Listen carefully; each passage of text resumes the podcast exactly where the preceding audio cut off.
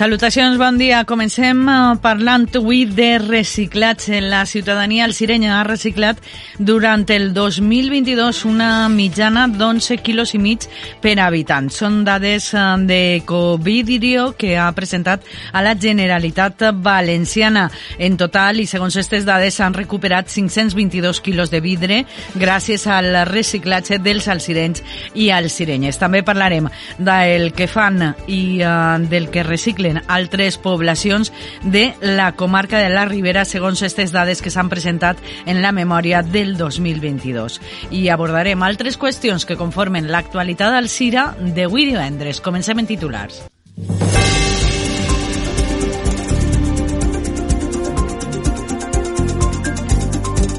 La regidoria de serveis urbans inicia una sèrie de campanyes cíviques per animar la ciutadania a fer un bon ús dels serveis disponibles. L'Hospital d'Alcira especialitza metges residents de la província en cirurgia mínimament invasiva.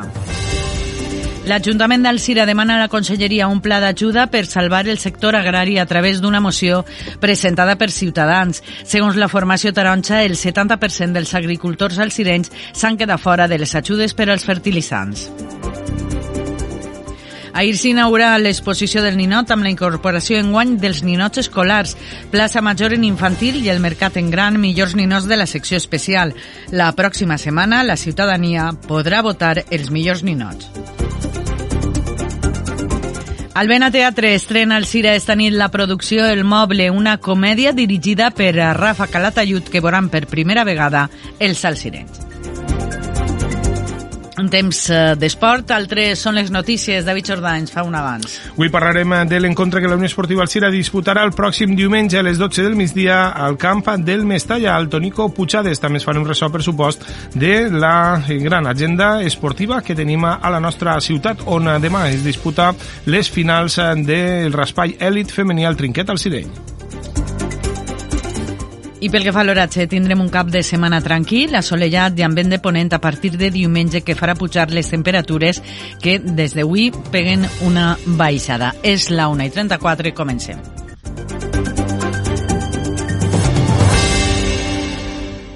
Vols sorprendre algú especial amb un detall únic i original? Visita Nenufar. Amb la seva àmplia varietat de flors i plantes, trobaràs el regal perfecte per a qualsevol ocasió. Situada al carrer Benito Pérez Galdós, número 27, Nenufar t'ofereix un servei personalitzat i atent perquè pugues triar entre totes les seues belles opcions d'arranjaments florals, rams i plantes decoratives. Te esperem. Nenufar, empresa seleccionada al mes de febrer en la campanya Alzira 12 mesos 12 comerços. Ajuntament d'Alzira. Alzira cull la final de la segona Copa President de la Diputació de València de Raspall Elit Femenina. El trinquet municipal obrirà les seues portes el dia 25 de febrer a les 5 i mitja de la vesprada per a gaudir de la pilota valenciana. Alzira amb l'esport femení. T'esperem per a veure les millors jugadores de pilota. Viu l'esport. Regidoria d'Esports. Ajuntament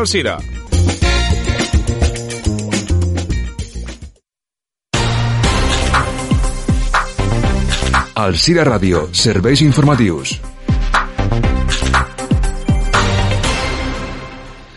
La Conselleria d'Agricultura, Desenvolupament Rural, Emergència Climàtica i Transició Ecològica i Ecovidrio han presentat les dades de recuperació d'envasos de vidre en 2022 a la comunitat valenciana. En el cas del Cira s'han recuperat 522 quilos de vidre en els 187 contenidors en què compta la ciutat. A la comunitat valenciana s'han recollit un total de 113 tones de residus d'envasos de vidre, el que equival a 22,3 quilos per habitant, un 12% més que en el 2021. De mitjana, cada ciutadà va depositar en el contenidor verd 18,5 quilos d'envasos de vidre, la qual cosa equival a uns 63 envasos per persona. Aquestes xifres demostren que la separació dels envasos de vidre continua en ascens en la comunitat valenciana En Alcira no s'arriba a la xifra de mitjana de la comunitat valenciana. Segons les dades de Covidrio, Alcira ha recollit una mitjana d'11 quilos i mig per habitant durant el 2022. En la comarca de la Ribera, el veïnat que ha fet més recollida selectiva de vidre han estat els veïns d'Antella, amb 31,3 quilos per habitant, seguit per Gavarda i Alcantera del Xúquer. A la cua del reciclatge de vidre se situen poblacions com Carcaixent, que recicla una mitjana de 7 quilos i mig per habitant, seguit d'Alberic i Guadassuar.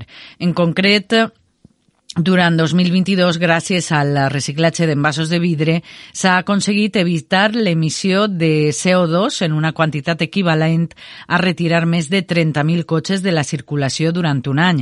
Estalviar 81 megawatts d'energia, equivalent al consum energètic dels hospitals de València durant tres mesos, i un estalvi de 10 milions d'euros. Evitar l'extracció de 136.000 tones de matèries primeres, un pes equivalent a quasi 14 14 vegades la Torre Eiffel.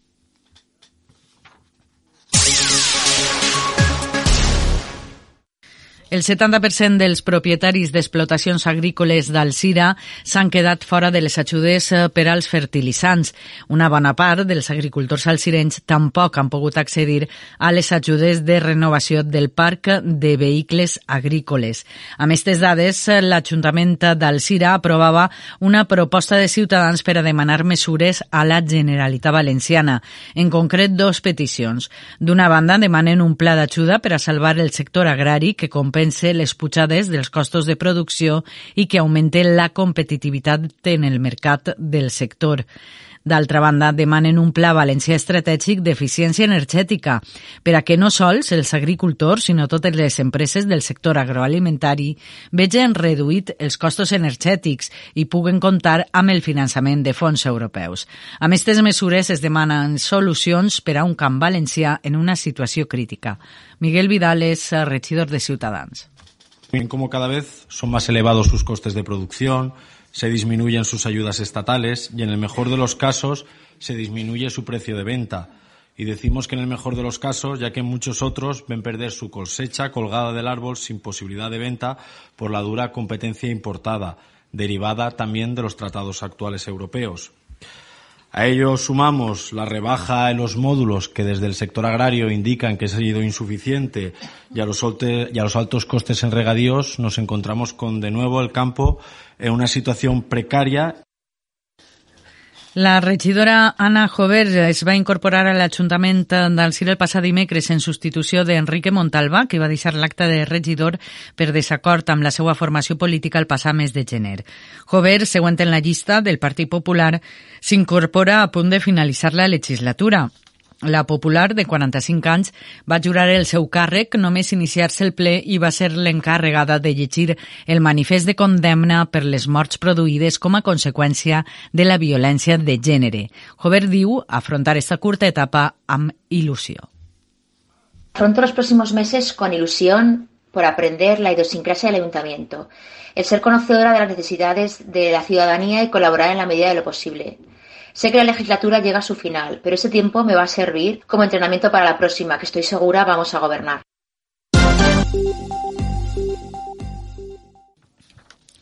El CIRA ha acollit avui les jornades de fibromiàlgia que organitza l'associació ADAFIR.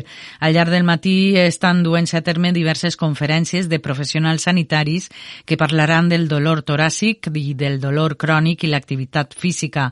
Abans de dinar es farà un taller pràctic de ball i ja per la vesprada tindrà lloc una conferència sobre la son i la fibromiàlgia.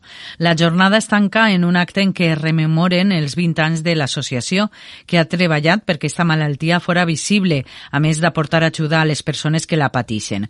Una malaltia que es caracteritza per dolor i fatiga crònica i que ara fa 20 anys no tenia ni diagnosi. En estos 20 anys s'ha avançat en reconèixer-la com a malaltia, tot i que a hores d'ara es presenten altres reptes. Des de la FIR demanen més investigació en dos vessants. D'una banda, per trobar tractaments que milloren la qualitat de vida de les persones malaltes i d'altra banda, perquè s'investigui el dolor crònic en xiquets i adults adolescents que també pateixen. Àngela López és presidenta d'Adafir. 20 años ha conseguido por lo menos un reconocimiento y saber que estamos ahí y que esté declarada como enfermedad. Vamos, es que solo faltaba eso, pero nos falta mucho, nos falta mucho. Yo digo que ojalá y no nos cueste otros 20 años eh, pues tener ya un avance más no sé, más palpable, que es alguna medicación que sí que nos va, una, más investigación, nos dé una mejor calidad de vida. Esta jornada de la fibromialgia es clausura esta vesprada amb la celebració del 20 aniversari, un acte en què estaran present, a més de la presidenta actual, Ángela López, les que han estat presidentes, la primera d'elles, Mari Carmen Oliver, i també Amparo Santa Maria. I l'Hospital d'Alcira està realitzant un curs d'especialització per a metges residents de la província de València. El curs és sobre el maneig de la cirurgia mínimament invasiva. Es tracta de la quarta edició d'esta formació que va quedar en suspensa a causa de la pandèmia. El curs compta amb l'aval de la Societat Espanyola de Cirurgia Toràcica i permet a metges residents de la província de València perfeccionar el maneig d'esta cirurgia realitzant sutures dins del cos fent anastomosi d'estructures o disseccions amb instrumental que després usaran en la seva pràctica quirúrgica. I també els parlem de les eh, campanyes cíviques que està fent la regidoria de serveis urbans i l'empresa Fobasa, encarregada de la neteja de la ciutat. L'objectiu és conscienciar el veïnat de fer un ús adequat dels serveis que tenim a la nostra disposició per mantindre un entorn més net i saludable. En total s'han programat quatre campanyes amb la pretensió que arriben a la ciutadania a través d'informadores cíviques que facilitaran díptics i material de merchandatge. El regidor de Serveis Urbans explica que la campanya respecte a, al fem orgànic té la finalitat d'ensenyar a utilitzar correctament el contenidor marró. I uh, parlem uh, de falles i uh, parlem precisament de la pólvora, perquè este matí ha tingut lloc a l'Ajuntament d'Alcira la signatura dels contractes amb les pirotècnies que enguany dispararan durant les festes falleres. Tal i com avançarem ahir, Pirotècnia Valenciana donarà el tret d'aixida el dilluns dia 13. Crespo, la mascleta del dimarts 14. Dimecres serà el torn de Coeters Dragon. Dijous dispara la mascleta la pirotècnia Zarzoso. Divendres la pirotècnia del Mediterrani amb posterior castell de focs d'artifici de pirotècnia Crespo. Dissabte dia 18 dispararà la mascleta Hermano Sirvent i per la nit segon castell de focs d'artifici a càrrec de pirotècnia Nadal Martí. Serà precisament esta última pirotècnia, Nadal Martí, la que dispararà la mascleta del uh, dia de Sant Josep. Enguany, eh, com a novetat, el dia 12 de març hi haurà a més, una macrodespertar infantil, una novetat que ha introduït la Junta Local Fallera responent a les peticions dels fallers més menuts. Ho explicava el president de la Junta Local. Al dia, ¿no? Entonces, la macrodespertar infantil, apart de que anem a fer-la a les 10 del matí, després, quan acabem a finalitzar, pues anem a desayunar, tindrem xocolata, ensaïmais, maraenes, para que desayunen, almorzen, Després ja continuarem en tots els xocs perquè sabeu que a migdia està la Globotà. A les 2 del migdia és la Globotà. També este mateix dia, el 12 de març, el dia que es fa l'Espardenya, per la vesprada es tornarà a repetir la iniciativa que ja es fe, va fer l'any passat de foc antic al centre de la vila. La inversió en pirotècnia ha estat possible gràcies a la col·laboració de l'Ajuntament i la Junta Local Fallera, que ha buscat diversos patrocinadors. Així ho explicava el regidor eh, de festes, Xavier eh, Pérez, que donava així les gràcies. Jo sí que vull agrair molt a la nova Junta Local Fallera que ha fet un esforç molt gran en buscar patrocinadors per a ampliar el que és l'espectre de, les, de la Setmana de la Masqueta i altres esdeveniments perquè és molt important que se col·labore el, en l'Ajuntament en aquest tipus d'esdeveniments. No? L'Ajuntament pues, té recursos que té i, i ha sigut un gran encert per part del president i d'Àlex pues buscar patrocinadors per a que esta, esta setmana fallera estigui completa en tots els esdeveniments pirotècnics, no? I continuem parlant de falles perquè ahir s'inaugurava l'exposició del ninot i es donaven a conèixer els millors ninots de cada secció, entre els quals el jurat decidirà els ninots que s'indulten i que es donarà a conèixer el dia de la crida. En els monuments infantils, la Falla Plaça Major té el millor ninot, en la primera secció Germanies i en la segona Plaça d'Alacant. En este cas, els tres ninots són del mateix artista faller, l'alcirenya Borja Lorente. En tercera secció, millor ninot de les cantereries del també alcireny Juanjo Tarrasó i en la secció quarta, el millor ninot és el de la falleta d'Hernán Cortés, que ha fet un ninot que ha confeccionat la mateixa comissió.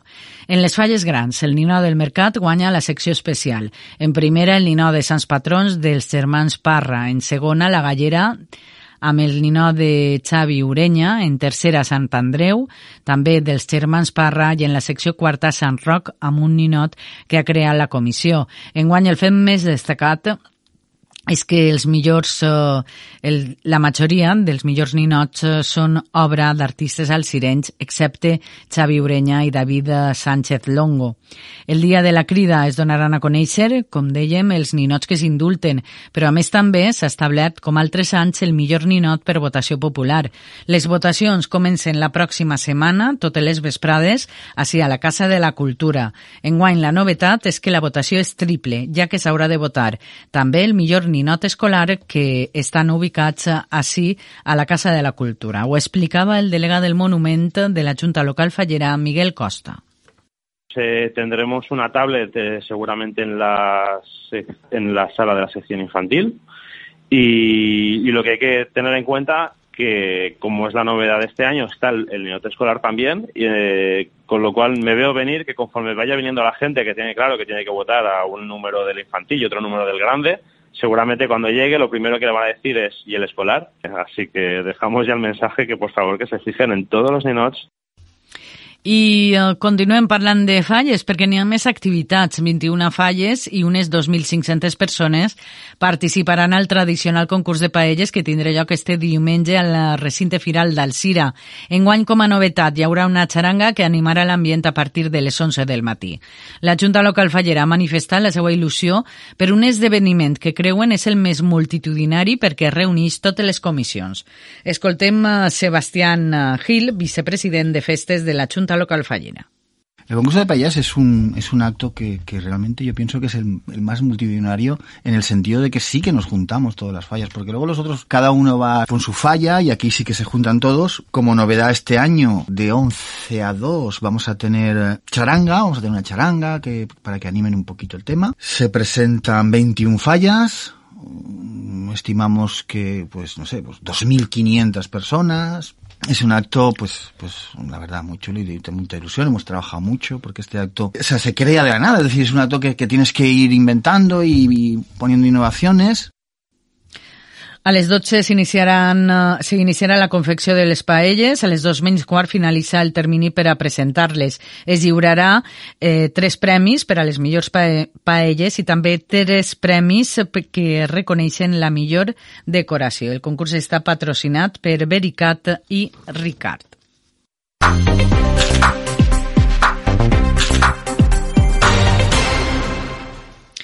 Esta nit al Vena Teatre estrena El Moble, el que serà el seu 28è espectacle des de que es va crear al 1994 a Alcira. Es tracta d'una comèdia escrita per Yolanda García Serrano i Juan Carlos Rubio en la versió valenciana de Juli Disla. En esta ocasió Alben ha comptat amb la direcció de Rafael Calatayud, actor, director i fundador de la companyia La Pavana. I els seus protagonistes, els actors, l'actor Juli Disla i l'actriu Cristina Fernández Pintado. L'obra ens parla de les relacions d'una parella i de com uh, tot pot anar per l'aire amb el muntatge d'un moble d'IKEA com a detonant. L'obra és una versió d'una producció d'una companyia andalusa Histrion Teatro. En este cas, Rafa Calatayud ha volgut posar atenció en els conflictes de parella i ha agafat com a referència la la pel·lícula de Billy Wilder El apartamento, fent una versió molt personal, en clau de comèdia i connectant amb el món d'Albena. Escoltem Rafa Calatayud interessant en el sentit de que el moble és una excusa en un moment donat, que està ahí, evidentment és el punt de partida, però a partir d'ahir és quan apareixen eh, conflictes, històries, celosies, eh, tots els conflictes de la parella. No? Evidentment, mm, la, la versió que jo he treballat és una versió molt personal eh, intentant sempre connectar amb el món, evidentment, d'Albena, no? L'estrena de l'espectacle, com dèiem, esta nit al Gran Teatre a les 8 i mitja. També els hem de dir que ja s'ha penjat el cartell d'entrades esgotades. I demà dissabte a les 11 i mitja la biblioteca acull un taller de prescripció literària. Es tracta d'una activitat de foment lector per tal que puguem recomanar llibres que ens ajuden a entendre sentiments universals com l'amistat. Les recomanacions són per a xiquets i xiquetes entre 2 i 7 anys. I dissabte torna el jazz de la mà del Jazzira Jazz Club. A les 7 i mitja de la, a la Casa de la Cultura del Cira, concert de piano d'Àlex Conde. El pianista valencià Alex Conde interpretarà obres originals i de compositors com Thelonious Monk o Bud Powell. Després de 16 anys als Estats Units, Conde és un prestigiós pianista internacional de jazz que avui és professor del Berklee College of Music de Boston i que ja ha estat en diverses ocasions a Alcira. Recordem eh, l'entrada 3 euros i serà a partir de les 7 i mitja a la Casa de la Cultura. I eh, també demà dissabte a les 11 del matí eixirà des del MUMA la ruta Leonardo Borràs. És eh, l'activitat que posa a punt i final a la commemoració de l'aniversari de l'escultor Leonardo Borràs que han organitzat conjuntament els ajuntaments d'Alcira i Algemesí. Esta ruta partirà del MUMA on es visitarà l'exposició que hi ha dels obres de l'escultor i després, on hi ha una selecció, i després es farà una ruta pels carrers d'Alcira. En concret es visitarà el relleu de la plaça de la Constitució i el monument La Illa del Xúquer. A l'exposició es podran veure peces mai exposades com la maqueta la maqueta d'este monument o un esbós d'un àngel custodi que va fer per als casalicis. L'oratge.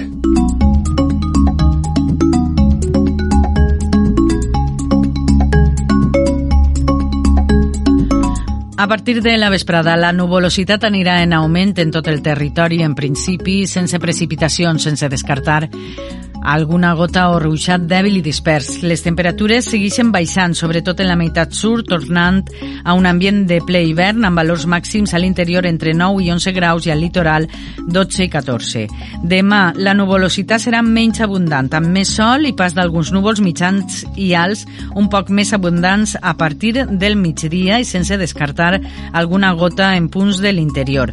Les temperatures màximes pujaran sobretot eh, en el litoral gràcies al vent de ponent vent que bufarà moderat a 40 km per hora, deixant uns valors pròxims als 16-18 graus a la zona litoral. I diumenge tindrem un dia que serà més assolellat, amb vent de ponent que continuarà sent puntualment moderat amb ratxes que tornaran a superar els 40 graus.